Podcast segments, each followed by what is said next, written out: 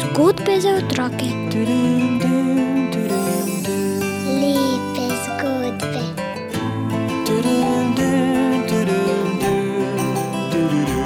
Bere nam jih Juri Sešar. Lepo pozdravljeni na praznik svetih treh kraljev, pri zgodbi o stari Befani.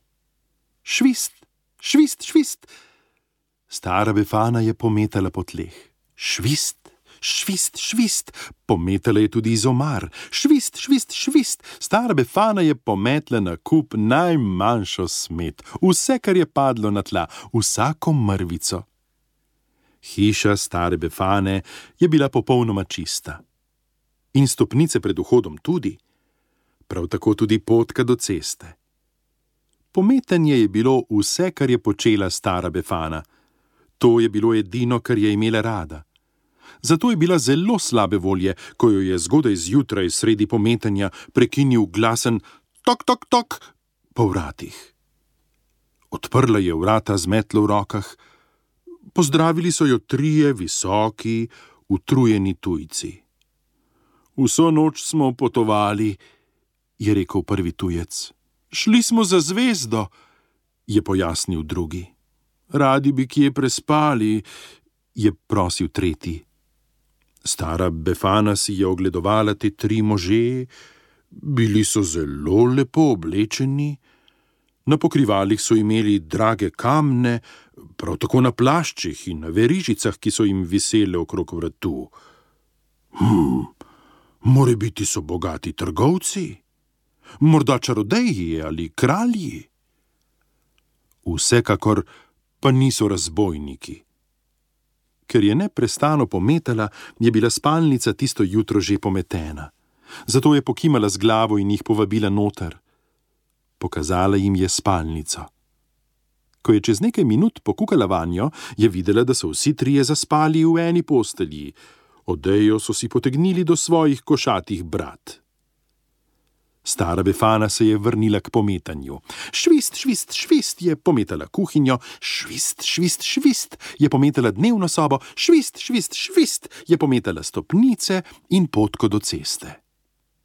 Ves čas se je začudena spraševala, pa odkot so prišli, kam so namenjeni, zakaj spijo cel božji dan. Ko so se trije tujci vendarle zbudili, jih je to vprašala. Prihajamo z vzhoda, je rekel prvi tujec. Gremo za zvezdo, je povedal drugi. Zvezda nas bo pripeljala do kralja kraljev, je razložil tretji.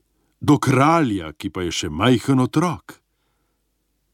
Ti trije tujci so stari Befani pustili zelo nenavadno darilo. Ker si bila tako prijazna z nami, je začel prvi tujec.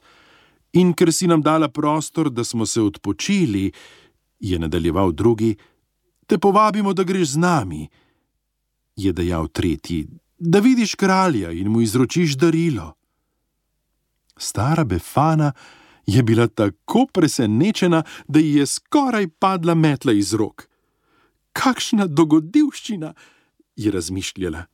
Iti za zvezdo in najti kralja pogledala je svojo metlo, ozrla se je okrog hiše, prav hitro si je predstavljala, kako umazano in nasmeteno bi bilo povsod, če bi samo en dan prenehala pometati.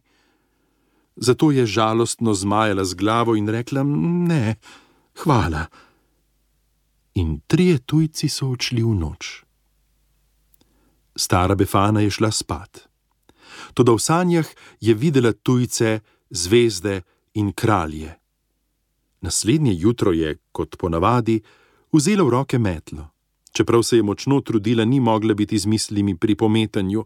Švist, švist, švist je pometala dnevno sobo, tudi razmišljala je samo o povabilu tujcev. Švist, švist je pometala kuhinjo, tudi misli so ji kar naprej uhajale k tisti potujoči zvezdi.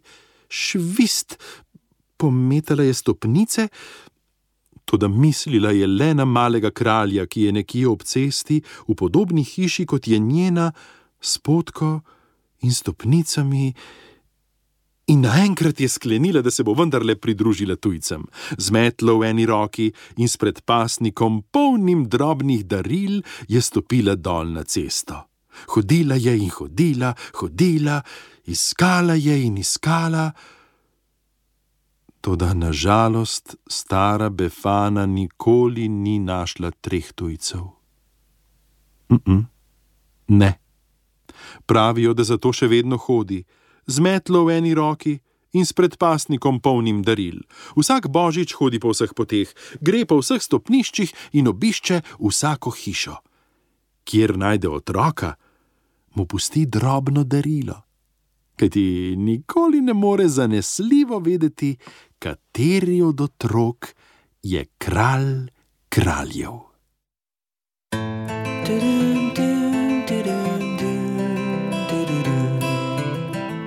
Zgodbe za otroke.